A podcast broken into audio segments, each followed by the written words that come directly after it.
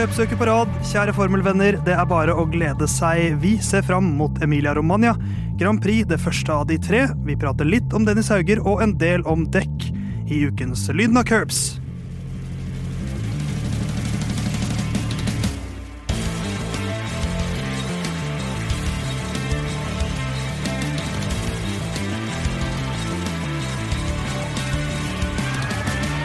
Meg har du sett, ny uke, ny episode av Lyden av Curbs. Eh, Et program og en podkast om Formel 1. Theis heter jeg. Spak og klaff sitter jeg bak, og ved min side Hva skal vi kalle deg i dag, da? Trege. Løsningen fra landgangen. Treige- Treige-Petter. Treigepetter fra landgangen, Herman eh, Tangen Borgstrøm. Hvordan eh, står det til i dag? Eh, Det står bra til. Det er mye, det er mye på programmet. Ja. Det er ikke til å For du er den eneste i studio som har det travelt. Jai. sånn høres det ut når man sier ja, men nei. Ja. Mm. Ja, du, du var i, i studio to-tre over sju i dag. Hva er grunnen til det? Eh, Men da vi har sendestart klokken sju. Nei, det er eh, Hva er grunnen til det? Det er rett og slett logistikk. Du hadde ganske lang tid på å tenke ut eh, i hvert fall to-tre minutter. Ja, det er, eh, det er rett og slett det at eh, jeg blir ringt av folk som jeg, med telefoner jeg må ta, i hvert fall denne uka her. Ja, ikke sant? Uh, og da er det bare sånn det er. Men utover det så har jeg ikke noe mer Jeg er toastmaster i et bryllup til helga. Ja, ikke sant? Ja, blant annet. Det er vi vel alle. Uh, Tornadoen fra Tvedestrand har vi allerede hørt litt fra. Jeg er toastmaster i ditt bryllup om noen uker. Det er riktig, Theis. Eh, Hvordan står det til med bryllupsforberedelsene? Eh, Det står bra til. Um, Jeg er jo ramma av Alvor? Det rammer alvor. Nei, eh, eh, hadde jeg vært Herman, så hadde jeg sikkert ikke vært på sending i dag. For jeg er litt pjusk, som han kaller det. Ja. Eh, Fordi det er eh, kjedelig å snakke om, selvfølgelig, men eh, det er jo mye bjørkepollen Ja. eh, som har gått over i noe bilbetennelse. Du det er både allergisk mot bjørk og mot artisten Bjørk. er eh, spesielt artisten Bjørk. Ja. Hva har du mot Island, egentlig? Eh, Det er bare så lite land. Ja, ikke sant? Det er et lite ispreget land som det ikke er så mye is på, egentlig. Det er mest veld- grønt og veld- brunt. Ja, veldig mye vulkaner. Ja, ikke sant.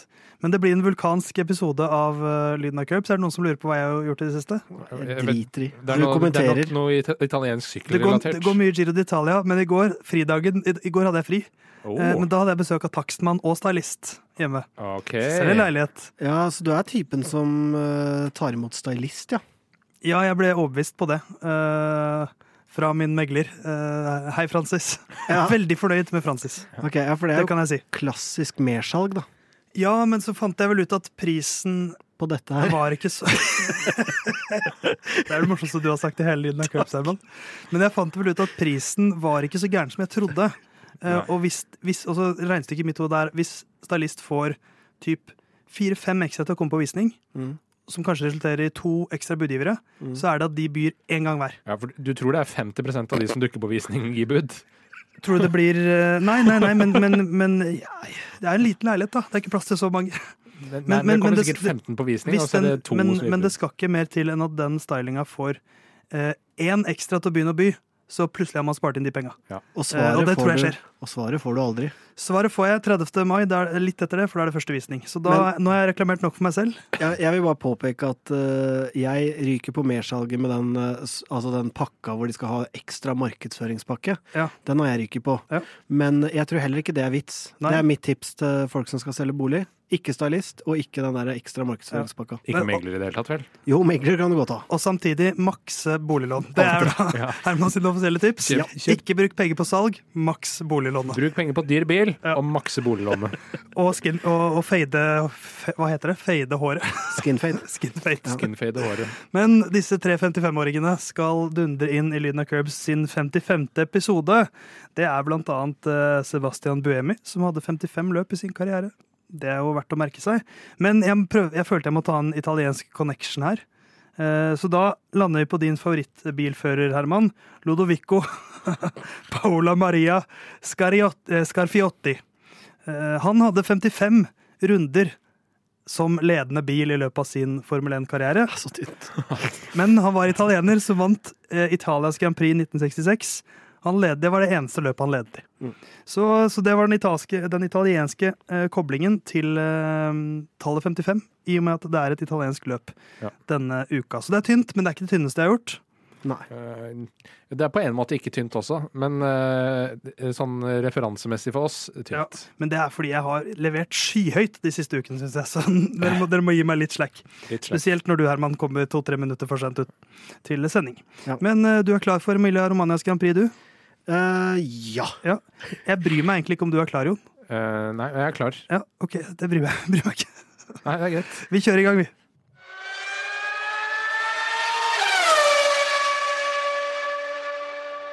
Herman, topp tre ting eh, om Italia. Uh, Topp tre ting om Eller som, Italia. som, som, er, som er relatert til Italia. Da. Det hadde vi sist òg. Ja. Hadde vi det? det? Ja, ja, fordi jeg husker jeg svarte Totti og pizza og noe greier. Ja, jeg har og- fotografisk hukommelse, Ikke må du huske. Totti, pizza, og noe greier. Ja, stemmer. Da sier jeg Super, Mario og pizza. Ja, ikke sant? Og Giro d'Italia. kjøkkenet, Ferrari, Lamborghini. Ikke sant. Kult. Eh, Motorhue. motorhuene i lyden av curbs. Det er Emilia Romagna. Vi skal til Imola eh, igjen. Det Topp tre om Imola. Im, Ol og A, og så regner det der. Eh, så voldsomt. Men nå avstand, ja. før vi eh, ror oss helt bort her, Ja, det, så tror jeg vi trenger en banegjennomgang. Kan ikke du fortelle oss litt om Imola? det kan jeg gjøre. Eh, Det er en bane som er rett i underkant av 5 km, 4909 meter, og det er 19 svinger. Det skal kjøres 63 runder, og banen har kun ett DRS-strekk. Ned start målstrekke. Eh, Og her er nok også det mest sannsynlige forbikjøringsstedet. Det er også en sjikane mot eh, eh, slutten av uh, banen, som det også er mulig å kjøre forbi. Eh, Men da er track limits et problem. Eh, Fra 1982 til 2006 ble det holdt løp her under navnet San Marino Grand Prix. Mest berykta er nok løpshelgen i 1994, da Roland Ratzenberger og Erten Senna begge døde i hvert sitt uhell. Det var også flere uhell der Rubens Barrichello, flere mekanikere og tilskuere ble skada. Og det førte til økt fokus på sikkerhet og gjenopprettelsen av eh, Drivers Grand Prix Association, eh, eh, eller Føreralliansen, som jeg liker å kalle den. Ikke sant? Fø- Føreralliansen, det høres ikke riktig ut. Det er Spesielt man snakker om Italia og førerallianse. Det gir meg litt andre verdenskrig-vibber, altså. Ja, men Det er ikke Il Duce-alliansen. Nei, nei, men, men de var jo en del av førerens allianse. Ja, under andre verdenskrig. De var da vitterlig det. Um, men eh, OK, eh, det er Imola. Det er et løp som har blomstret opp igjen, nå som Emilia Romagna Grand Prix. Eh, I fjor så vant din favoritt Herman Max Verstappen. Mhm. Det gjorde han også i 2021, eh, mens i 2020 så vant Jon Halvdans favoritt Louis Hamilton. Ja, eh, For den kom vel tilbake til kalenderen pga. covid, gjorde den ikke det? Det gjorde den. Da var det sånn må, Hvor kan vi ha løp nå? Får vi til et til i Italia? Ja, det gjorde man. I fjor var det jo egentlig Det var ikke så mye fight i toppen. Det var sånn halvvått dekke hele tiden. Med Verstappen som vant til slutt foran Peres og Norris, var det vel. Det var da McLaren hadde proper race car. Eh, nå har de i hvert fall noe. Eh, det var også sprintløp der i fjor. Mens eh, hva, Hvordan ser du på denne banen, Herman? Husker du noe fra løpet i fjor? Nei, det gjør jeg ikke. Nei. Det gjør jeg ikke. Og Det var en elendig dag for Ferrari, ja, hvor Perez røyk, nei, Sainz røyk ut ganske tidlig. Leclerc tabba seg ut litt. Det var ikke der Verstappen hadde en sånn 360. Eh, No nei, det var vel Ungarn, ikke? Ja, det var det. Ungarn og kvalifisering. Men det var, jo her, det var jo litt fight i toppen, fordi uh, Leclerc drev og pusha for det. å ta igjen Peres. Perez. Og så røyk han i uh, tidligere nevnte sjikane og endte opp på en sjetteplass. Og da begynte det poengdifferansen til Verstappen å bli liten. Jeg kan ikke akkurat huske hvordan den progresjonen var, men innen Frankrike så er iallfall det forsøket på å bli verdensmester til Leclerc over. Ja, Leclerc hadde 86 poeng etter Emilia Romagna eh, i fjor, med da førstappen opp på 59. Eh, Det var da førstappen hoppet opp til, eh, til andreplass i førermesterskapet. Eh, Ferrari ledet eh, fortsatt, men nå hadde de da bare 11 poeng. Eh, Mens Imola i år kan bli en eh, interessant affære. Eh, Det kan bli et vått løp. Eh, Det er meldt eh, heidundrende regnvær nå i Imola, eh, som er byen som ligger rett ved eh, motorsportbanen Imola. 14 millimeter nedbør eh, 16. mai. Det blir en heidundrende 17. 17. mai. 39 millimeter nedbør. Mm. Uh, og altså, dagen vi spiller inn, som er tirsdag, så uh, har banen blitt evakuert fordi det er så store opphopninger med vann. Så det, er, det flommer rett og slett over på Imola. For disse motorsportbanene er jo ikke bygget som uh, som vanlige veier, som er bygget med en kurve, sånn at de drenerer vann. Disse motorsportbanene er jo ikke bygget sånn. Så skal det regne resten av uka også, men i mindre grad. Men, eh, men dette kommer til å prege byen, og dermed også eh, løpet. Og eh, det kommer til å være vå- våte jorder rundt omkring. Men, men det kan bli et vått løp. Nå skal vi ikke kjøre på jordet, da, men de, de har jo biler som ble brukt i Japan også til å drive og feie opp og børste opp vannet. Så forhåpentligvis, så lenge det ikke regner for mye, så skal det bli løp, selv om det kommer en liten innsjø i morgen. Men nå har vi jo funnet ut etter fjorårets sesong at, løp, at våte løp er oppskrytt. Vi liker jo ikke det lenger, Herman. Nei, men eh, vi liker eh, teorien. Vi liker teorien, ja. ja. Våte løp. Passelig våte løp. Ja, og så er det vel eh, er det, Jeg mener jeg leste et eller annet om at det nå skulle være noen uh, wets som kan fungere bedre uten dekkoppvarmer og noe greier. Uh, ja, uh, det løser ikke uh, vannsprayen, som har vært hovedproblemet pga. sikt.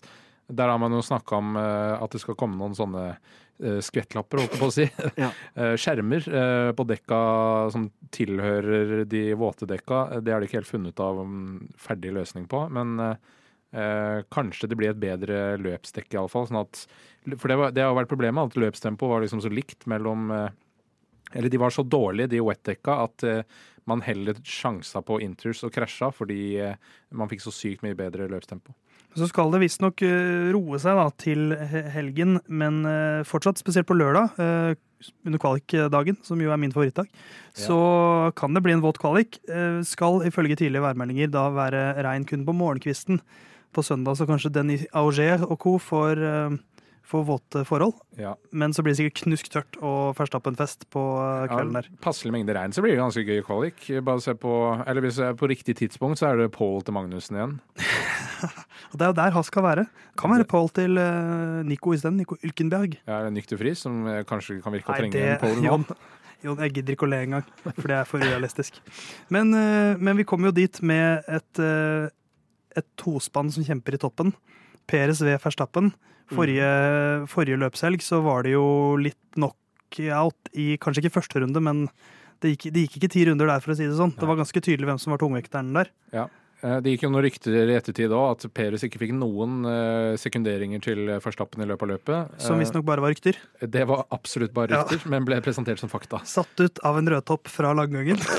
Det hørtes ut som noe jeg kunne kommet med. Ja. Ja. Det var en Sky-presen, en av de i Sky, som jeg ikke husker hva heter, eh, som eh, sa at det var ikke tilfellet. Men det ble ikke vist på lufta, holdt på å si. Men, men nå er vi på vei inn i altså Europasesongen starter jo nå med Emilia Romania, Monaco og Spania. Hermans høydepunkt. Mhm. Nå tre uker på, på rappen.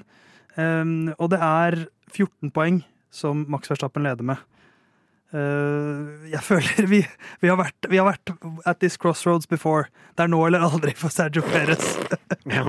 Er det nå han uh, tar og fester grepet om, uh, Andreplassen. Ja, nei, det er man, Akkurat det greiene her må man bare vente og Ja. se. Sånn det, det, sånn det ser ut nå, så er det jo ingen tvil om at uh, Verstappen suser eh, av sted mot eh, sin tredje verdensmestertittel. Forhåpentligvis en som ikke er kontroversiell denne gang, da, Ja. for hans del. Men at det, at det Mest for din del. Jeg tror det er viktigere for deg. Men at han Altså, suser etter, etter Catering Gate så ville alt Max gjør i resten, når han kjører simracing hjemme, og er god der, er er catering. catering Gate. De har jo juksa og bygget bra sim. Han har hatt mer tid til å øve på simulering, fordi han har hatt mindre tid til å Han trenger ikke å øve så mye til å kjøre Formel 1-bil, så derfor er han bedre i simracing pga. Catering Gate. Nei, men når vi, når vi først nå har rota oss inn på det, så mener jeg faktisk at uh, Selvfølgelig, jeg er veldig opptatt av at ikke det er liksom uh, helt ærlige seire, men eh, aldri i verden at ikke det er en prosents bismak for han og teamet rundt han Ja, selvfølgelig, men, det, men eh, samtidig så tror jeg ikke han Jeg tror ikke han Jeg tror ikke det er det han tenker på Jeg tror ikke han mister nattesøvna, men, men, men jeg syns vi må behandle Peres med litt uh, respekt. Men bare en bet- betraktning om Peres, da. Fordi eh, ryktet er at uh, han eh, nå er eh, klar på at framtida hans i Red Bull er ikke uendelig. Eh, så hvis han klarer å finne balansegangen mellom å være nok løs kanon på dekk, men ikke for løst at han blir pælma av dekk, Ja. så er det liksom mulighet for eh, han å iallfall uh, pushe Verstappen mer. eh, også nå som det virker som han har bitte litt mer kontroll på den bilen sammenlignet med i fjor. For han kjører jo Altså, de har jo Så langt så har de vunnet annenhver gang. Ja, det det. Så det er jo, det er jo sånn sett jevnt. Så hvis, hvis den vekslinga fortsetter, så skal jo Peres vinne her i Emilia Romagna. Jeg tror ikke det var så mange som trodde han skulle vinne i Saudi-Arabia og Aserbajdsjan før han gjorde det. Så kanskje det er på tide å liksom si at jo, det var, var ikke så bra i Miami, men kanskje Verstappen takler liksom flere, altså alle banene bedre, men at Peres fortsatt kan på kanskje Imola. Kanskje det er en bane for han. Ja, men altså, det er jo eh, I Saudi-Arabia òg så er det jo eh, på en måte deler flaks, men det må han ha hvis han skal kunne utfordre eh, Forstappen denne sesongen her. Og eh, i Miami så hadde han også flaks med hvordan kvalifiseringa endte opp. Og så er det jo selvfølgelig eh, Det ser ikke så bra ut når man eh, ikke likevel vinner. Men eh, Baku er liksom viktig å ha med seg uansett, for der var han liksom bedre i alle sessions. Ja. Eh, og eh, hvis han har litt flaks her òg, og er god nok, så er det mulighet for å vinne. Så øh, vi får se. Vi skal komme tilbake til vår tipping. Men etter at vi har prata litt om de to Red Bull-gutta, så får vi se litt nedover på tabellen.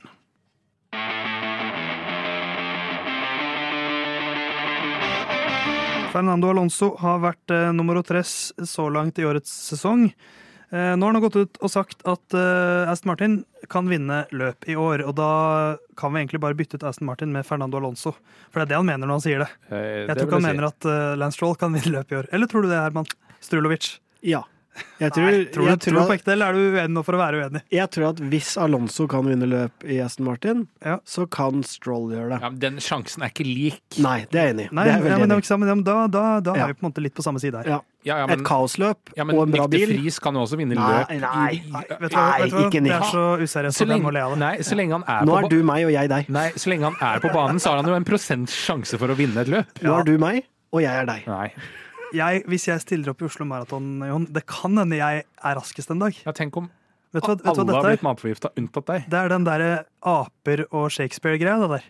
At hvis Nei. nok aper får uendelig med tid til å, skrive Shakespeare, til å skrive, så skriver de Shakespeare Nei, det er jo ikke, altså er det 19 biler som ikke fullfører, så er det jo uh, De Vries som vinner. Ja. Vi skal, helt, ikke. vi skal ikke bli helt sånn som det var. Var det USA et år? Hvor det, et eller annet ja, var det år, seks 90-tallet, biler som det starta. biler som, ja. Men det var jo Det dekk- Bridgestone, uh, ja, ja. Michelin-gate. uh, Nei, men, men Aston Martin har jo de, Da vi begynte sesongen, så føltes det som at de skulle liksom være utfordreren. Men jeg syns ikke at det har vært så tydelig det. Det har vært de tre lagene bak som har bytta litt på. Så jeg synes er alltid-. Ja, altså De, de har vært nærmest, men jeg syns ikke det har vært sånn De har, de har ikke vært en klar, en klar nummer to, syns Ja. Baku var liksom eneste der hvor det er sånn Nå er det ikke klar nummer to. Eller så i uh, Men nå, nå, nå snakker jeg om de som lag. Ja, men- Eh, men de, du kan ikke si at, at, eh, at de har vært ja, som men, lag så nærme. Eh, men vi kan jo si eh, Red Bull i Verstappens hender var den nærmeste utfordreren, eh, iallfall i 2019 og 2020, til Ja, ja. Mercedes. Eh, og det vil jeg også si om Aston Martin, i Alonso sine Ja. hender, har vært nærmeste utfordrer. Der er, der er jeg helt enig. Jeg er Herman også enig. da legge til Jeg er også enig. Strulovic der. Men eh, ja, kan, kan de vinne her nå, da? Det er jo litt sånn oppgraderingsting å snakke om, Jon. Jeg vil, jeg vil hive inn en ting med Aston Martin. Hiv i vei. For der var uh, Alonso sa, kom jo med noen sånne stikk til uh, alpin om at uh, i alpin så var det liksom, der jubla de for uh, gode plasseringer og sånne ting, og det var ikke noe for han. Mens i Aston Martin var det kun seire de kom til å juble for. Og akkurat det må jeg jo si at det er en eh, Det er jo litt fake news, da. Det er faktisk. beviselig feil. Ja, for det de, altså, de jubler jo som eh, bare det for de eh, tredjeplassene, og det skjønner jeg. Ja, han sitter Men- jo og applauderer i bilen når Stroll kjører forbi for tolvteplasser. Ja, så jeg bare syns at det faller litt på egen urimelighet med det stikket han hadde til alpin, og så var det litt humoristisk og sikkert litt halvbittert og alt det der, men jeg syns det er fortsatt litt komisk. Herlig kombinasjon av følelser. Humor og bitterhet. Men det er fortsatt litt humoristisk at han eh, på en måte sitter og jubler og er så positiv for de treplassene, mens han egentlig gikk dit fordi der kunne de vinne, og det var det eneste Ja. de skulle juble over. Bitter humor, boken om Herman Borgstrøm sitt Mm. liv. Mm. Men eh, oppgraderinger, eh, Jon. Europasesongen er jo liksom Jeg føler det er en slags ny, en nytt, ny del av sesongen. Det er en nytt sjikte vi går inn i nå. Litt andre baner. Ja, og Spørsmålet nå er jo om man eh, får se en uh, sølvfarga Red Bull. Uh, fordi eh, det er Eller sort, da. Um, fordi Sort og sølv, fortere til å blande. Ja. De heter fortsatt Sølvpilene, eh, Mercedes. Eh, for de kom med oppgraderingen oppgraderinger til bilen, og eh, sidepod-messig så er det sannsynlig at det vil forandre seg mye. Nå er Eller ikke sidepod Ronaldo. Uh, ja. Å, sidepod-messig vi- Messi hvis- og sidepod Ronaldo. Jeg visste ærlig talt ikke at vi hadde sånn humor her, men uh, vi kan godt eh, holde Jeg på tror Jeg tror Herman har dårlig influens på meg i dag. Ja, Influenseren. han har nesten ikke vært her, så det er litt vanskelig å forstå. Men, Ja, men de har nye sidepods. Eh, sannsynligvis. Eh, men nå er jo ikke det hele konseptet er ikke sidepodsa. Det er jo eh, i gulvet det skjer, eh, som jeg pleier å si. Hva skjedde? Uventet at den kom fra deg. Den så jeg ikke komme. I alle dager! Hva er det som har skjedd når jeg forsvinner? Så har det blitt, det er blitt et helt annet type Det program. du ikke har sett, Herman, er at uh, Jon og jeg vi pleier å ta masse Molly rett før du Ja, okay. ja. Og i dag tok vi litt for mye. I, dag, I dag ble det for mye, Theis. Eh, Nei, men det er i gulvet det skjer. det er i gulvet det skjer. Eh, de er jo selvfølgelig hemmelighetsfulle da, om hva det er som eh, faktisk endringene vil si, men bilen vil sannsynligvis iallfall visuelt se annerledes ut. Og så får vi se om den er liksom mer konkurrent til Aston Martin. At det er hva skal vi si, kapasitetsmessig eh, på utvikling av bil i løpet av en sesong, så har Aston Martin vært gode for all del. Mercedes har i utgangspunktet potensial til å være vel så gode, um, så det er jo muligheter for at den sjansen for løpsseier for Aston Martin blir lenger og lenger unna jo lenger ut i sesongen man kommer. Ja. Men det fordrer jo at uh, oppgraderingene her faktisk fungerer. Ja, og så er jo, de, de er jo litt sånn uh, altså, Om det funker, så ikke endre for mye. Så jeg tviler på at de kommer med noen eh, eh, revolusjon her. Eh, Sannsynligvis Bull, det handler vel om marginale forbedringer, tror du ikke det? Jo, altså er det jo litt sånn eh, James Allison er jo nå mye mer hands on, og hva slags uh, påvirkningskraft han har på i hvilken retning bilen skal. fordi hvis man skal endre konseptet eh, mer radikalt, så er ikke det noe vits å gjøre i løpet av sesongen hvis du uansett må ha et chassisbytte. Da er det ikke noe vits å bruke masse ressurser på det nå. Men eh, vi får se eh, om eh, det blir fortsatt Aston Martin. Av alle lagene, Herman, hvem føler du har mest press på seg nå? Av alle Ja. For det- for det er alltid sånn, hvem, Sånn som Red Bull har ikke noe press på seg, egentlig. De vet jo at de er best. Aston Martin føler jeg heller ikke har noe press på seg. Aston Martin har mindre press Ja. på seg enn Red Bull, faktisk. Men jeg syns jo Mercedes, da. Ja, Mercedes. Uh, jeg syns Ferrari.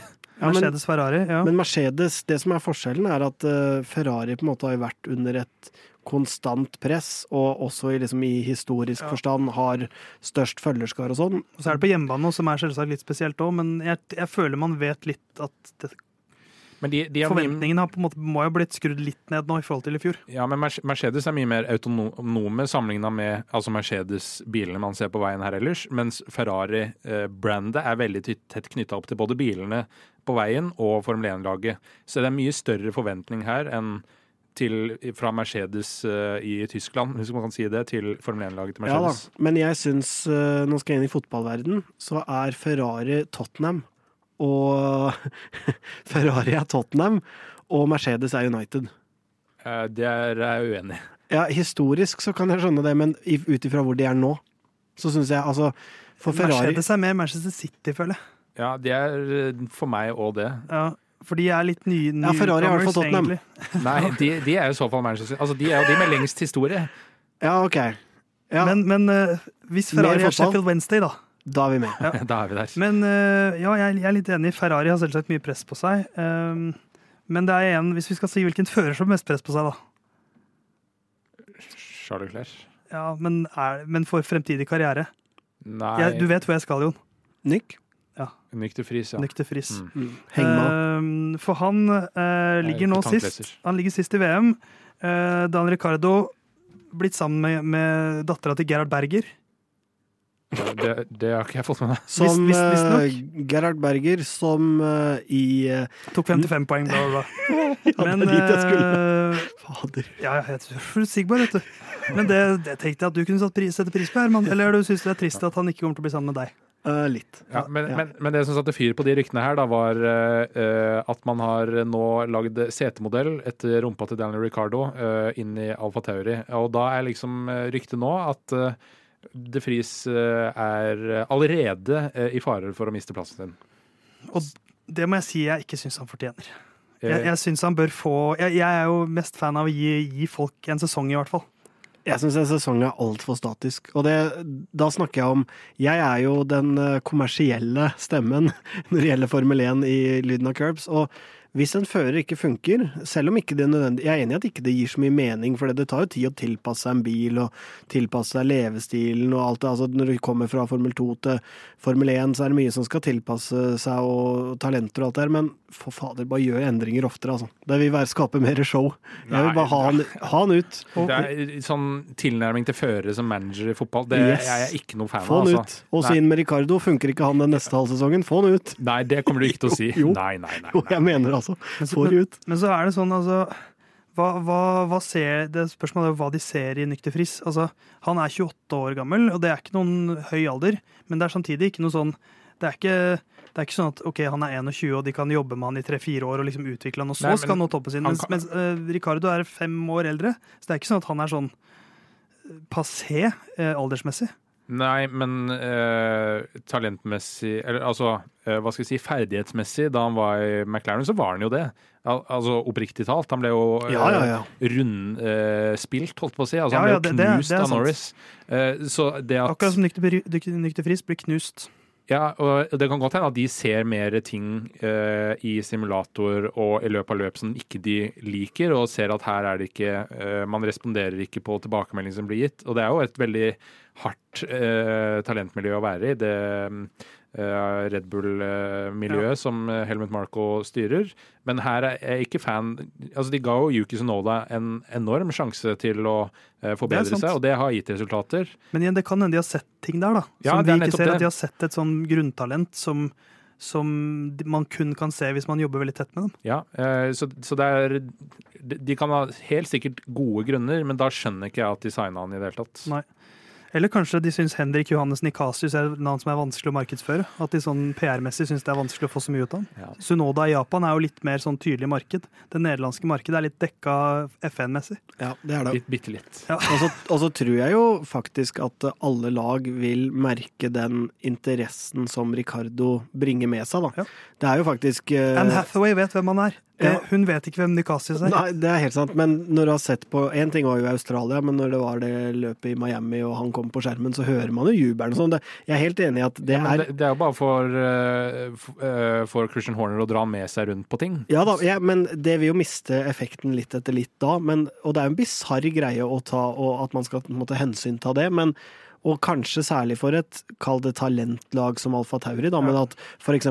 Has burde hive seg etter Ricardo hvis de har muligheten til det. ja, ja, ja men, men med Ricardo nå, så er det, det er et snev av OK, det er kanskje storhet igjen i han. Mm. Hvis han kommer tilbake igjen, og det skjærer seg, så er det altså, det, all tvil er borte. Ja, ja. Jo, men, men er ikke det jeg, jeg føler de sitter Apropos oppmerksomhet, da. eh, er ikke, det, det, litt viben jeg får fra Red Bull-systemet, er jo at Alfa Tauri skal være mer og mer selvdrevet. Eh, Eh, ja, det har det jo blitt etter at uh, Dietrich Matisic gikk bort. og da Eh, kan jo Ricardo inn være litt som da Aston Martin henta Fettel.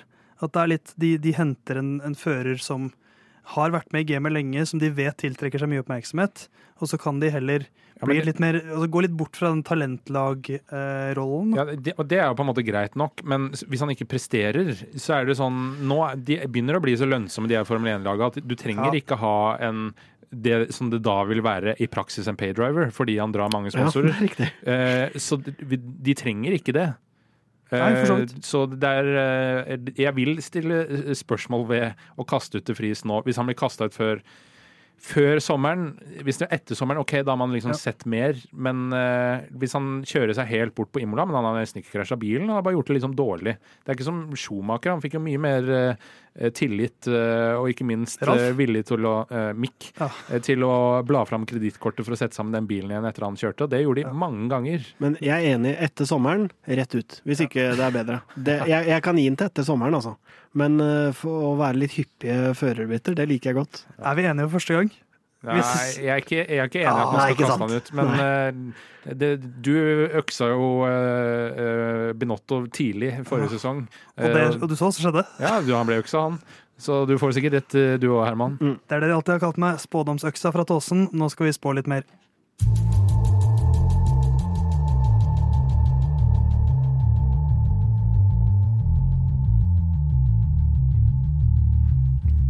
Da har vi kommet til tippesegmentet, og det pleier vi å filme. Eh, og da pleier vi jo å rigge klart kameraene før vi begynner på en måte med segmentet, men det glemte vi nå. Så nå, gutter, eh, for, for, Jon, kan ikke du gå gjennom hvordan det går, ligger an så langt i sammendraget, så skal jeg gjøre klar mitt kamera. Jeg kan gå gjennom hvordan det går, ligger an så langt. Jeg vil påpeke en ting, at jeg har satt mitt kamera innat et sånt Dette, Jeg har satt mitt kamera innat et bubblehead, som da vibrerer, som gjør at mitt kamera ikke står stille. Så det er alltid eh, jordskjelv i langgangen, rett og slett. Så vi må sitte helt stille, Jonathan. Det er greit. For du, du kommer ikke da til å vurdere å liksom ta en, sette kameraet et annet sted? Nei. Eh, Bare igjen da for hva eh, det står om her da. Eh, hvis eh, vi tipper da P1, P2, P3 og det vi kaller Ukens sjuking. Eh, riktig person på rett plass eh, i topp tre, det gir tre poeng. Eh, riktig person på topp tre, men på feil plass, gir ett poeng. Og Ukens sjuking, som skal være vanskelig å eh, tippe seg fram til, gir 20 poeng. Eh, ingen Ukens sjukinger har gått inn eh, så langt eh, denne sesongen. Det er kanskje ikke så rart, vi hadde bare et par i fjor. Men poengmessig, der ligger Herman nederst, 16 poeng. Poeng Ronaldo, så ligger Theis. Uh, ja. Ja 23 poeng. Men Halvdan leder med 25 poeng. Ikke sant? Det er veldig problematisk at dere, en av dere rister, for huet mitt her eh, blir shaky. Vi kan ikke snakke om det, Herman. Nei, vi kan Det er for, det er for internt. Ja. Um, jeg kan eh, si at Herman, du skal begynne med å tippe topp tre. Perez Alonso Stroll. Strollovic. Mm. Oi, sprekt. Vil du utdype, eller? Eh, kjempehelg for Aston Martin. Ja, ikke sant? Det, det trenger ikke mer enn det. Nei. Kanskje jeg skal gå next, da, for å ha en liksom kontroversiell rekkefølge. Mm. Uh, Peres, Verstappen, Alonso. Jeg tror den annenhver gang-rekka fortsetter. Ja. Kult. Ja, det er ikke, ikke kulere enn det. Eh, og jeg Jeg er eh, fortsetter å være original. Uh, Verstappen, Peres, Alonso. Ja, så kult. Er det første Hvem var det du som tippet hva som vinner, her? Peres? Peres, ja. Da, alle, da vi tipper Peres, da. Ja. Vi To Peres, én Alonso. Det er ikke verst. Vi tipper Peres. Det er kult. Eh, Ukens sjuking, Herman. eh, Der skal vi forsøke å spå noe eh, som er vanskelig å spå, men som vi skal prøve oss på at Mm. skjer i løpet av løpshelgen. Hva har du denne uka? Min Din ukas sjuking er at Mercedes returnerer med grått chassis. Altså en grå livery. Ja, altså Det er jo helt sinnssykt usannsynlig, med mindre du har lest noe om det her på forhånd. Men, Har du lest noe om det her på forhånd? Det er på en måte ikke opp til han å si. Han Nei, ser jeg veldig mot kan- meg nå. Jeg google, Jo- jeg. Jon, jeg trenger at du googler det, Fordi at han kan Jeg har ikke lest noe om det på forhånd. Nei, men, ikke Jeg bare vet at de skal ha store Ja. oppgraderinger inn Ja, til. Imola. Det er det de har Men, om hele men jeg liker, jeg liker hvordan du tenker, Herman. Jeg vurderte å si Mercedes returnerer med sidepods, men jeg får bare kjeft for sånne ting. Så jeg tok med grå livery. Ja, for meg er det godkjent. Det. Ja, Godkjent. Ja, tusen takk, så rause dere er. Ja, ikke tenk på det. Åh, bitterhet og humor med Herman Borgstrøm. Ukens sjuking fra meg. Ikke godkjent. Nei vel, men det holder at jeg får noe godkjent fra Jon. Mm. Den som vinner, bytter dekk tre ganger. Ja eh, Altså, det vil si ikke en Fire- en tostopper, ikke en tostopper men da at eh, det, det, det starter med ett dekk, så byttes det til et dekk, et annet par. Byttes igjen og byttes igjen. Så fire forskjellige dekk på, på en måte. Ok. Takk for at du forklarer. eh, Ja, så du kan si pitte tre ganger? Nei, for jeg, jeg, jeg legger jo inn at det kan være noe rødflagg her, for eksempel. Eh, Eh, og det føler jeg ikke regnes som men da, da føler jeg det kan bli debatt på Nei, det var ikke boks-boks, det var ikke pytting.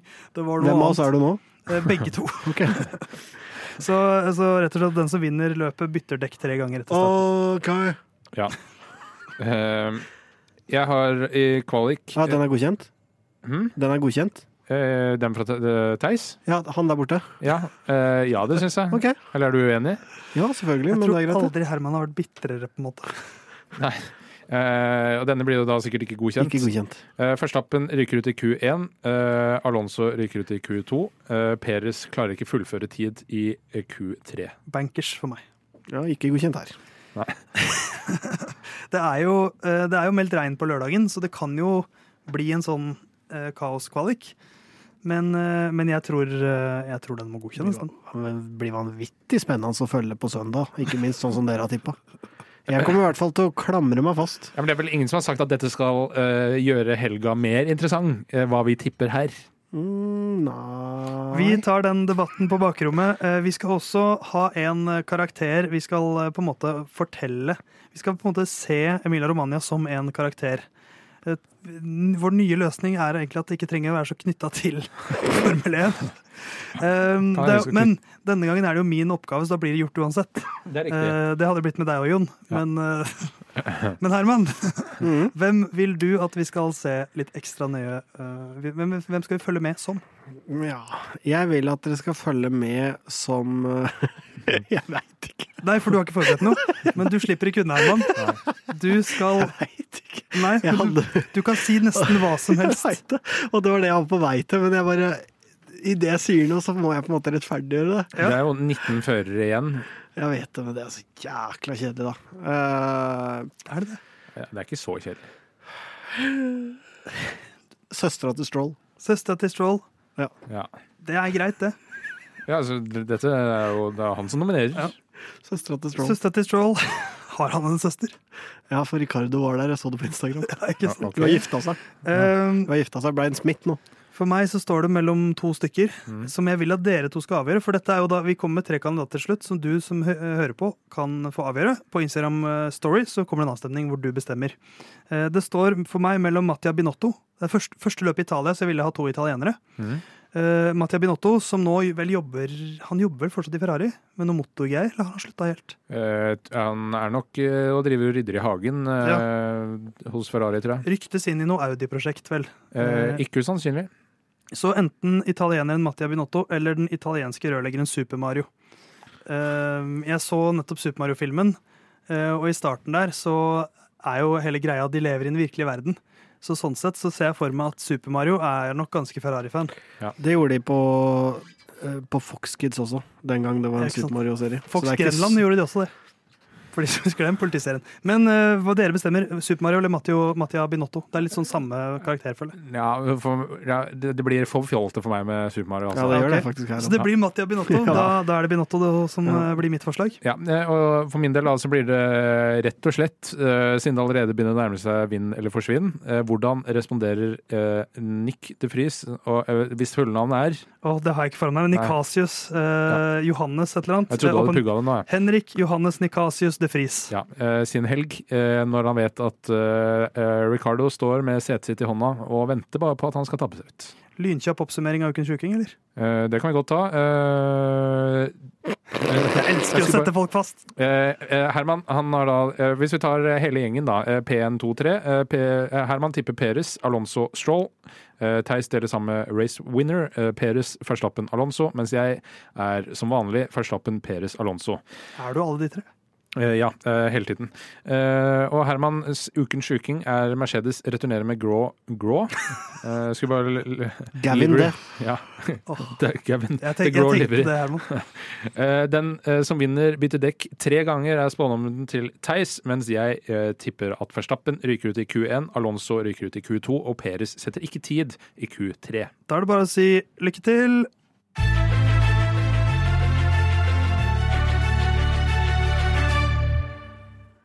Vi i Lyden av Curbs vi eh, følger med på Formel 2 også, vi. Herman, skal du ta på deg headset, eller? Nei. Hvorfor ikke? Nei, jeg prøver noe nytt. Ja, ikke sant? Er lyden grei, eller? Ja, uh, Spak og spe.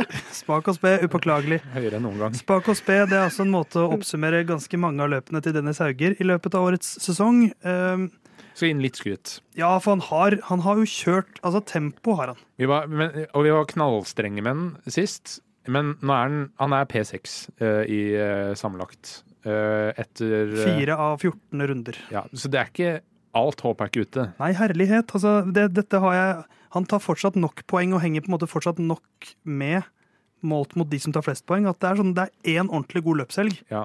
hvor eh, det klaffer i begge løpene. For det har han fortsatt ikke hatt. Han var veldig nære det i Australia, eh, med bare ikke en påkjørsel der Ja, hoved, etter hovedløpet. Altså i ristarten av hovedløpet så hadde han vært eh, oppe på fjerde Vært nære tredjeplassen i sammendraget. Ja, eh, Hovedproblemet er jo da at han ikke til nå har spist nok eh, på de over han til at de det gir et veldig utslag på hvor langt opp det er. Men samtidig så er det avstanden er under 30 poeng til førsteplass. Så det er fullt mulig å gjøre med en, et par fulltrefferhelger. Men da kan man ikke gjøre det som i sprintløpet i Baku, altså. Nei, eh, men, men det, er, det er fascinerende hvor mye det svinger. Theo Porcher han har vel poeng i Han har poeng i fire av de åtte løpene så langt. Dennis har poeng i fem av dem. Så det er liksom Det er, eh, det er, det er små marginer. eh, Og Hvis Bearman er holdt på å si på riktig kjør nå, så kan han Ja. raskt klatre. Den, den superhelgen til Ollie Bearman som han da i Baku, hvor han vant begge løpene, den kom litt ut av det blå, for han hadde, han hadde ikke hatt noen sånn kanonstart. Nei da. Så plutselig så bare klaffet det helt for han. Så får vi se hvordan det fortsetter. Da. Det er ikke gitt at han skal fortsette å dominere. Jeg tror, eh, jeg tror alt håp er ute, Ja, det vet jeg hvis jeg skal være selvsagt. ærlig. For nå er vi for positive, så da må du være en motstemme mot det, tenker du. Ja. Men uh... Du sier jo at Haaland er oppskrytt òg. Uh, Ja, det syns jeg jo for så vidt han er. Men Ja. nå har han jo blitt bedre. Men ja, uansett, jeg syns uh, Jeg syns Jeg syns det ser for spett ut, altså. Jeg syns ikke det er uh... Hvorfor gjør det det? Nei, Hva er, ser, det som er, hva, jeg- hva er det han først og fremst mangler, mener du? jeg ser ikke helt hva som skal ta han til Formel 1. Fordi Det må være resultater, da. Ja, men si at han uh, på mystisk vis nå uh, skulle leda etter neste helg. Bare for å gjøre det litt enklere. At han skulle leda Formel 2 etter neste helg. Drit i poenga. Så har han jo ikke imponert på kvalik, og han har jo ikke imponert på en måte på eh, på racecraft. Han har jo imponert på å holde uh, med tanke på slitasje på dekka. Det har han Det jo, er jo en viktig del av racecraft. Da. Ja da, men han, har jo, men sånn som han gjør jo fortsatt dumme feil og Ja, men, Altså, hva men eh, hvis vi tar sprintløpet i Baku, da, så er han, han viser god feltmanøvrering. Han viser god oversikt. Uh, han tar godt vare på dekka. Og så uh, gjør han en megabrøler som ikke hører hjemme i Formel 1. Absolutt ikke. Men som, det som, alt som skjedde før, var Ja. liksom terningkast seks. Og så er det terningkast null, det som skjer der. Ja, og da er Og da blir det terningkast én til sammen. Og hvor mange Nei, det, Altså- blir, det blir mer enn det, Nei, altså. det det. Det, det viktigste i Formel 1 er løpstempo. Ja, Det er det viktigste i Formel 1. Det har Dennis Hauger. Det har han visst så mange ganger i årets sesong. ja men, har han, det har han. men har han det på en måte som er eh, liksom topp ti i Formel 2? Eh, ja, ja, ja. Fle flere ganger i årets sesong så har, han, så har han vært raskest på banen. Flere ganger. Ja, Og det er, et, det, er, det er bare fakta. Men så er det det at eh, løp Det er det er jo derfor flere altså Ikke flere, men jeg har sett at han har blitt beskrevet som Juri Vips 2.0. Eh, For Juri Vips i fjor hadde ekstremt løpstempo, men havnet ofte i mye trøbbel. Eh, Han, han Både så, på av banen. ja, ja, ja, det gjorde han jo. Han havnet i så mye trøbbel at man begynte å mistenke at her er det han som er problemet, og at det er ikke bare uflaks. Ja. Dennis har på en måte vist tidligere at, eh, at han ikke er en fyr som alltid havner i uflaks. Ja, så, så jeg håper dette bare er, er hans unlucky streak denne sesongen. Ja, altså, ja, må, må jo håpe at, uh, at for, Fordi løpstempo er jo der. Det å klare å ta vare på dekk er en veldig viktig del av løpstempo. Uh, og det å unngå, Og det er viktig for Formel 1. å unngå uhell uh, på første runde er også viktig. Eh, så nå unngikk han ikke uhell de siste tre rundene i sprintløpet. Og så var han litt veik i hovedløpet. Han klarte ikke Han nullstilte, han restilte ikke. eller resatte. Så han det ble åpenbart prega av gårsdagen, så han ble for forsiktig. Men det er heller ikke noe jeg helt liker. Nei, altså, jeg men- Jeg ser for lite ting jeg liker. Jeg er enig i at det er enkelte ting som er, som er bra. Han har, jeg er enig i at han har bra løpstempo, men, Men, jeg men, bare ser ikke nok som er men det mentale, gullegull. det skal man lære seg til. Hvor, hvor mentalt robust var eh, du, Herman, da du var 20 år gammel? Hvis du hadde det presset på deg som han har nå? Det er, Ja, men det er hvis jeg da hadde hatt det fra jeg var 14, da. Ja, ja, men, ja, men likevel. da Han er 20 år gammel. Eh, Han har vist at han takler press på Formel 3-nivå. Nå er det litt mer som står på spill. Da tar det kanskje litt tid. Da kanskje sånt setter deg litt mer ut enn det gjorde i fjor.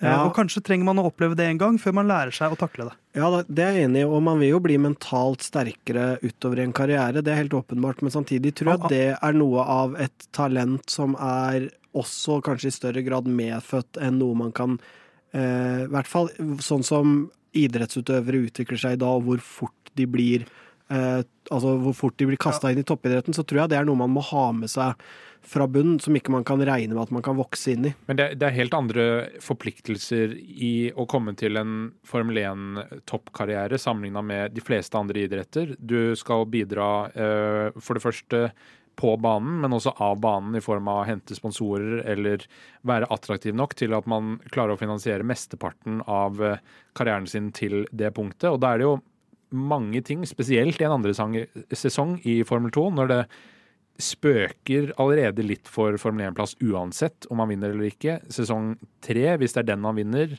Da ender du opp i sånn Drugovic-limboland. Men jeg, jeg tenker at altså, mulighetene er der. Eh, når Nikasius kan få en sjanse på Formel 1-nivå. Jeg Ja, sier ikke, sier ikke at det Eh, er umulig å vinne etter eh, en sesong eh, ja, Altså få en plass hvis han vinner en sesong tre, men det er mange flere forpliktelser enn bare det som skjer på banen. Eh, og det å ikke prestere betyr som regel at ikke du klarer å hente penger. Så jeg tror det er flere bekymringer enn hvis du f.eks. er en eh, fotball, eh, eh, et, et fotballtalent som skal bli bedre. For da kan du på en måte tvinge deg opp bare på rent talent. Det er ikke alltid det holder i, i Formel 1. Men det er, det er runde fem av 14, så vi begynner jo å nærme oss uh, over en tredjedel. Uh, det blir da sprintløp og hovedløp, selvsagt, sånn som i uh, det alltid er. Og sånn som det var forrige, uke, forrige helg. Forrige løpshelg. For, eller var det helgen før der igjen? For seniorene. Uavhengig av det. um, En så- vinnende formel på hvordan en løpshelg skal se ut. så, ja, men det er det jo faktisk. Men, det, men de kjører jo tidligere på dagen. Det var det som var poenget mitt. Ja. Uh, og regnværet, uh, tidlige regnvarsler, viser i hvert- fall at det kanskje kan være større sjanse for regn tidlig på dagen. Så kanskje blir det enda mer regn på uh, Formel 2-gutta. Ja, og Det er vel ikke fordel, Dennis, hvis det skulle regne. Ikke har ikke vært det så langt, men igjen, Ikke det heller, si. men, men igjen Ollie Bearman, jeg gjentar det. Det, var ingen, det var ikke liksom det, det, har vært Det er mer sannsynlig at på en måte Dennis Hauger skal ha en sånn Ollie Bearman-helg, egentlig, enn det var at Ollie Bearman skulle ha det. Ja. Så, så her er det bare å sette alle kluter til. Eh, Du har Jon og Theis sin støtte, i hvert fall, Dennis. Jeg, eh, har min, eh, jeg gir min støtte til Daruvala, som tidvis. Selvfølgelig. som tidvis. Herjer.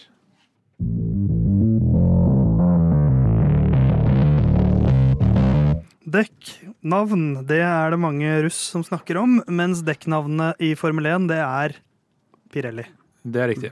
Stort sett. Eh, Høye dekk har de, eller harde dekk som de egentlig heter. Medium, soft, det fins våte dekk, intermediate dekk. Intermediate. Ja, intermediate. Ja. dekk er viktig for bilene. Det er kontaktflaten med bånn av bakken. Det er, det, er, det er gulvet det skjer, som Jon pleier å si. Ja, Men det er dekka som møter bakken. Det er dekka som møter bakken. Um, vi skal prate litt om dekk nå, men Jon, du, kan du fortelle oss litt om hvorfor dekkene i dag er som de er?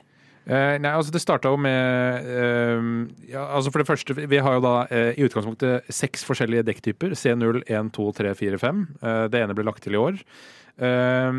Pluss da inters og wets. Ikke sant. Eh, og så tidligere, det å ha en ett-stopp-strategi, det var veldig uvanlig fram til Storbritannia Grand Prix i 2013. Da tre dekk eh, på eh, Hamilton, Alonso og Felipe Massa sine biler eh, ganske kort tid etter hverandre gikk punkterte. og Spesielt Hamilton, Hamilton sin. Den eh, gikk opp i tusen deler, holdt på å si, og spredte utover hele banen. og Der ble det oppdaga visse svakheter ved dekka, så de har liksom gradvis blitt forsterka. Og så hadde vi også Storbritannia i 2020, hvor eh, både Hamilton og Bottas sine dekk eh, punkterte med ganske kort mellomrom. Det var vel Norris var vel også involvert i punktering der, som også har ført til styrking av dekk. Eh, Så derfor har man liksom fått kjedeligere og kjedeligere dekkstrategi. Ja, og jeg sitter jo egentlig og tenker at nå har det vært så mye snakk om å skape mer spennende racing, tettere racing. Uh, og så føler jeg man kanskje har egentlig ikke sett helt hvor skoen, hvor store deler av skoen trykker. For alle hjulene har blitt, altså, hjulene har blitt større osv., men, men dekkene er jo, blir jo, er jo veldig solide nå. Mm. Uh, som gjør at uh, stort sett så er det jo enstoppstrategi det handler om. Ja. Og strategien nå handler om du skal begynne på soft eller medium og avslutte på hard eller medium, liksom. Det, Mm. det er stort sett sånn strategien er nå. Ja, altså eh, er dekka nå sammen med de litt eh, reviderte reglene eh, eh, delvis skyldig i alle fall at det er mye vanskeligere å følge hverandre enn det det var i fjor. Og man er nesten tilbake igjen på 2021-nivå, hvor hva gjelder å være vanskelig å ligge tett på bilen foran. Så noe skyld må de også ha for at det er vanskeligere. Og Pirelli er jo liksom hata på sin måte. Samtidig så er det veldig få som vil tilbake til denne dekkrigen som man hadde mellom eh, Ja. Bridgestone og Michelin, der man da hadde et løp der eh, alle unntatt seks biler ikke kunne stille. Jeg tror nok eh, det beste er at alle har på en måte samme dekk. Enig. Eh, men eh, Herman, hvor, hvor mange forskjellige fordi at nå, nå, finner, nå har de jo et, et utvalg, og så velger Pirelli. Nå tar vi med oss disse tre, og så gir vi de landnavnene soft, medium og hard. Eh, hvor mange forskjellige dekktyper bør det finnes? Eh, ja, man må jo holde Hvis vi, hvis vi sier at wet og inters Ja. er på en måte en egen greie, men, men stort sett altså de, de tørre dekkene, da. Bør det bare finnes tre kombinasjoner, altså tre stykker? full stopp, Ja. eller er det fint å ha noen å velge ut fra? Jeg Altså- syns jo det funker på en måte litt. Ja, jeg syns, jeg syns jo egentlig at det derre ultrasoft og når de het det, når det var flere graderinger på det, var litt sånn Det var like mange graderinger, det skulle bare være lettere å følge. OK, så det var istedenfor C1 er Ja. soft og sånne ting. OK. Ja, nei, for det er i hvert fall Jeg syns ikke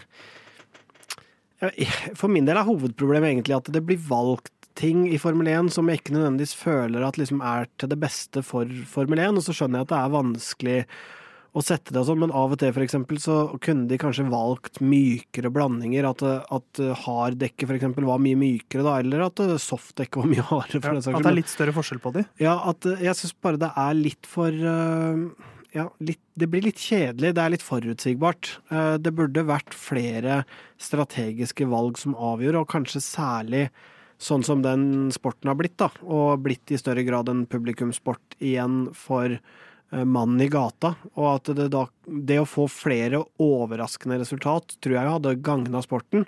Eh, Og så skal man jo ha den mest rettferdige vinneren til slutt, men at liksom at det var i hvert fall noen ting som kunne være litt mer eh, på spill. Da. Og da tror jeg dekkstrategi er en av de tinga som f.eks. et dårlig lag kunne vært veldig god på å mestre. Da. Eh, Sånn for min del så er det det å ha liksom dekk som bare punkterer av seg sjøl, det er jeg ikke noe fan av. Eh, Men gjerne hvor de blir liksom raskt dårligere. Eh, Jeg syns gjerne man kunne vært mer, mindre konservativ hva gjelder hvilke dekk man tar med seg til hvilke baner. Eh, I Baku f.eks. kunne man tatt med seg eh, mykere dekk for å, fremprovosere at tostopp var liksom eh, den normale strategien. Eh, og så var vi vel så vidt inne på det for ikke så lenge siden, men eh, for min del eh, tilbake igjen til prime og options, der man har typ soft og hard dekk. Det er de to man har med, hvor soft er helt klart skal brukes i kvalifisering, og harde dekk er de beste løpsdekka. Jeg, jeg, synes, jeg, jeg er jo for så vidt enig med det meste, altså alt dere sier nå. Jeg, jeg, føler at dekk og måten de løser det på, er litt av nøkkelen til å til å løsne ting litt. øh, Og gjøre ting litt mer dynamisk. Eh, Og jeg skulle gjerne ønske at, at i et løp så kunne man type Dette løpet så er det, må du ha tre dekktyper. For da, da tvinger du fram en, en dobbel altså en, dobbel, en, en tostoppstrategi. Og, og de har jo likt å innføre sprintløp og det ene og det andre. Så sånn, de er jo ikke redde for å liksom endre på, på måten ting funker. Så bare det å ha obligatoriske tostopp i, i et par løp i løpet av sesongen, Men, det, det, det er jeg fan av. men det er jo liksom en kombinasjon av ting her, da. Fordi noen baner er vanskelig å kjøre forbi enn andre, og bybaner spesielt er jo godt kjent for det. Imola er ikke noe bedre i så måte heller. Men det å ha Tenk hva det kunne betydd for Monaco da, hvis det var tostopps. Da har du på en måte et mye mer dynamisk og spennende løp enn at det er sånn alt avhenger av dette pitstoppet. Vinner, holder det, så vinner han uansett. Ja, men det, ja, ikke sant. Men det jeg kunne tenkt meg, da, er uh, at eh, du har to strategier. Enten det er én stopp, to stopp, tre stopp, men iallfall to som er sånn på tid nesten like raskt, sånn at du kan eh, velge f.eks. at tre stopp er litt raskere teoretisk enn to stopp, men da er du avhengig av å komme deg forbi og trafikk og sånn, sånn at du har at folk velger forskjellig strategi for å pushe hardere. Det syns jeg liksom er mer Eh, hvor mye det enn smerter meg, det Ungarn-løpet i uh, 2020, når Hamilton pitter uh, en ekstra runde, eh, eller en ekstra gang, enn Verstappen og tar den igjen og kjører forbi på slutten av løpet. Det er jo det vi vil ha oftere. Ja, eh, og da trenger man at eh, to forskjellige strategier er nesten like raske.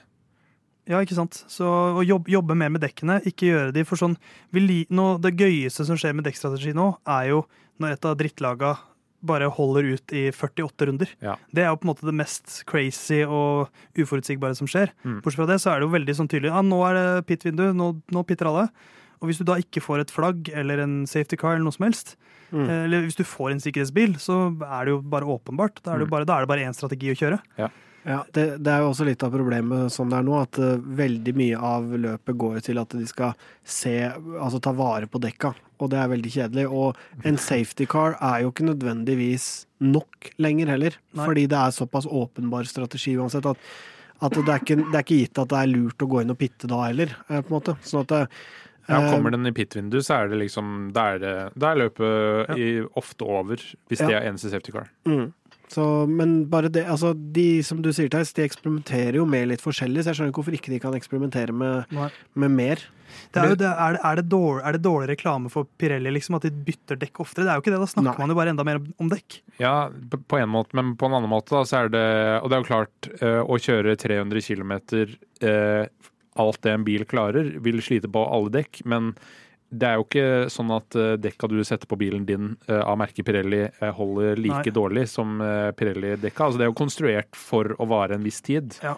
Fordi som de sier, de kan fint lage et dekk som kan kjøre sikkert flere løp etter hverandre òg. Så da kan de konstruere et som varer litt eh, kortere også. eh, Absolutt. Og som da vil føre til mer De, og dynamisk de kan racing. velge et som er trygt, men ikke like raskt etter ganske kort tid. Ikke sant. Så eh, Men, men apropos endringer, da, så er det Pirelli skal teste litt eh, til eh, denne helga og eh, em, kanskje flere. Vi får se hvordan eh, det går. Men uansett så skal man eh, bruker jeg harde dekk i Q1, mediumdekk i Q2 og softe dekk i Q3. Og det er liksom påkrevd at man bruker de dekka da. Eh, og det gir også eh, litt annerledes dekkallokasjon enn det det har vært tidligere. Da hadde man tre soft, tre, nei, åtte soft, tre medium og to hard eh, i løpet av helga, mens nå har man fire soft, fire medium og tre harde. Ikke sant. Så litt færre softs. Vi får se om eh, Fia og Liberty Media hører vår eh, kloke ord her. Vi skal gjøre én siste ting før vi gir oss i dag. Jeg eh, Var ung. Er, eh, var ung. Visste alt. Lo av det jeg ble fortalt. Eh, Men så begynte jeg å se på YouTube, og der har Formel 1 en konto. Hvor de legger ut snasende og morsomme videoer av eh, Formel 1-ting. Løpsoppsummeringer, men også litt sånn intervjuer og tulleting med førerne. Ja. Og nå la de nylig ut en sånn greie hvor de eh, ga på en måte hver fører en utfordring som var sånn si x ganger dette på fem sekunder. Ok. Så nå vet dere kanskje hva Sånn dere skal gjennom. Ibsens ripsbusker og Nei, eller andre sier sånn, litt sånn som vi begynte sendinga i dag. Topp tre ting om eh, Italia. Ok. Okay. Eh, så jeg tenkte at da skal jeg gjøre noe lignende med dere. ok. Spennende. Eh, for å runde av sendinga på en, eh, en snasen måte. Så jeg har funnet en, en countdown-greie, men dere skal få ti sekunder på dere. da. Ja. For jeg tenkte at dere kan få litt mer tid. Fordi at Grunnen til at det var så kort med førerne, var sikkert fordi de ikke gidder lenger. Ja. Um, Hva var spørsmålet igjen? Kommer det etter fem sekunder. ja, ja, men det, det, det er jo på det nivået. Men det her er én og én. Ja, dere får én og én, så Ja. dere får, det, det blir litt sånn annenhver gang-variant. Mm. Ja. Um, Er det noe å vinne her, da? Nei, annet enn eh, Jeg tenker at, vet du hva, kanskje vi skal filme det her? Ja, Ja, så det kan vi gjøre klart. jeg kan være med. Jeg kan være med på det, Det som for øvrig var gøy å se med den videoen på YouTube, var at eh, et av spørsmålene var uh, altså topp tre pizzatoppings. Og ca. 70% av førerne begynte med ananas. Ok. Som jeg syns jo er uh, veldig kontroversielt. Min favorittpizza har uh, både peanøtter, uh, peanøttsaus og chili på seg. Ja, ikke sant? Og gulrot. Og Men- gulrot. Så fint at ikke ananas var der, da. Ja. det var det vi snakket om. Ja, ja. Men da, uh, alle filmer da. Alle filmer. Herregud, i filmer. dag er vi veldig ærlige og nakne. Det liker Ja. jeg litt. Eh, Jon Halvdan, Ja. jeg tenkte at du kunne begynne. Ja. Og denne countdown den, har da, den lager en lyd hvert sekund. Og så kommer det en litt annen lyd helt til slutt. Ok. Så du kommer til å skjønne når tiden går ut. Ja. Jon Halvdan, jeg skal bare finne Der er lyden. Topp fem førere du tror kan bli verdensmester i fremtiden. Piastri, eh, Norris, Russell, Leclerc, Nick de Friis. Åh, feil til slutt der, men ok. Du rakk det så vidt det var. Ja. Uh, Herman, dette, er, dette har kanskje vært litt slem, men denne skal du få. Jeg tenkte du skulle få en utfordring. Ti sekunder. Fem verdensmestere som ikke kjører Formel 1 lenger. Ja, Fettel uh, Fanjo Ja, ja, ja, kom igjen. Uh, Senna Uh, og Schumacher, selvfølgelig. Men, Schumacher, ja. men det hadde bare vært fire uansett. Lauda, Ja. Bent, Ja. Rosberg. Mange ja, eh, Men jeg gikk jo veldig langt tilbake på et tidspunkt. Men jeg, jeg var litt slem som ga den. Men nå skal dere få noe som er litt lettere å løse. Okay. Uh, Jon Halvdan, topp fem ting du misliker ved 17. mai. Ehm, ja, det, er det så mye, da? Uh, drikking, uh, bråk, pølser, is og eh, barnesang. Liker du ikke pølser og is? Og særlig barnesang. Liker du ikke pølser og is? Det ble jo mer kontrær. For Ja. Jeg har ikke tenkt veldig over at det er veldig mange ting Nei. jeg hater ved den dagen her. Men Herman, topp fem ting du liker ved 17. mai. Eh, familie, eh, is, pølse, barnesang, uh, fyll. Det gikk akkurat det. Uh, dere skal få én til eh, hver. Ja. Eh, Jon Halvdan, og nå, her, her vil jeg at dere skal være ærlige på ekte. Okay. Så ikke noe sånn det er kødd. Nå skal det være ordentlige svar. Eh, Jon Halvdan, topp fem ting du liker ved Louis Hamilton. Kjørestilen, eh, klesstilen, uh, det, det uh, PR-messige, eh, historien eh, og Du kunne sagt PR Ronaldie, men du Ja. sa PR-messig isteden. Du klarte fire. Herman, da har du muligheten til å utligne her, egentlig. evnen til å vare på, ta vare på dekk. Altså, det er vanskelig å komme på fem Ja, ting. det skulle du funnet på for ca. 20 sekunder siden. Ja, det er riktig. Eh, Herman, topp fem ting du liker ved Max Verstappen. Eh, offensiviteten, frekkheten, talentet, ærligheten, Uh, faren. Pølser og ris.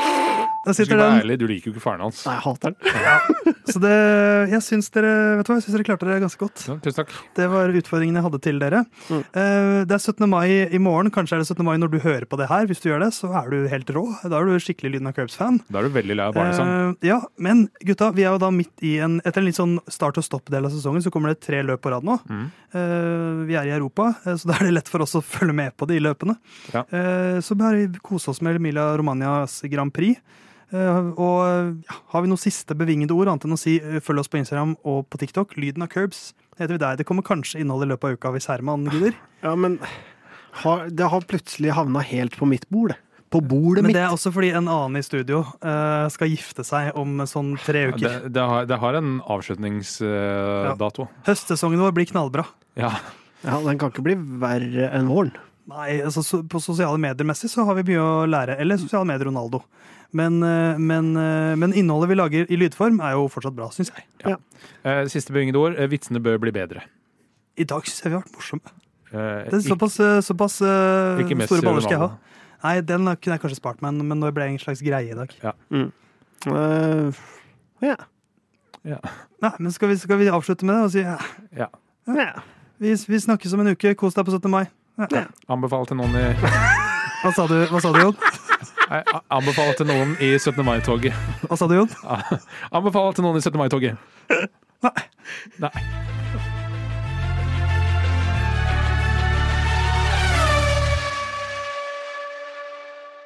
Good luck this weekend, Stroll.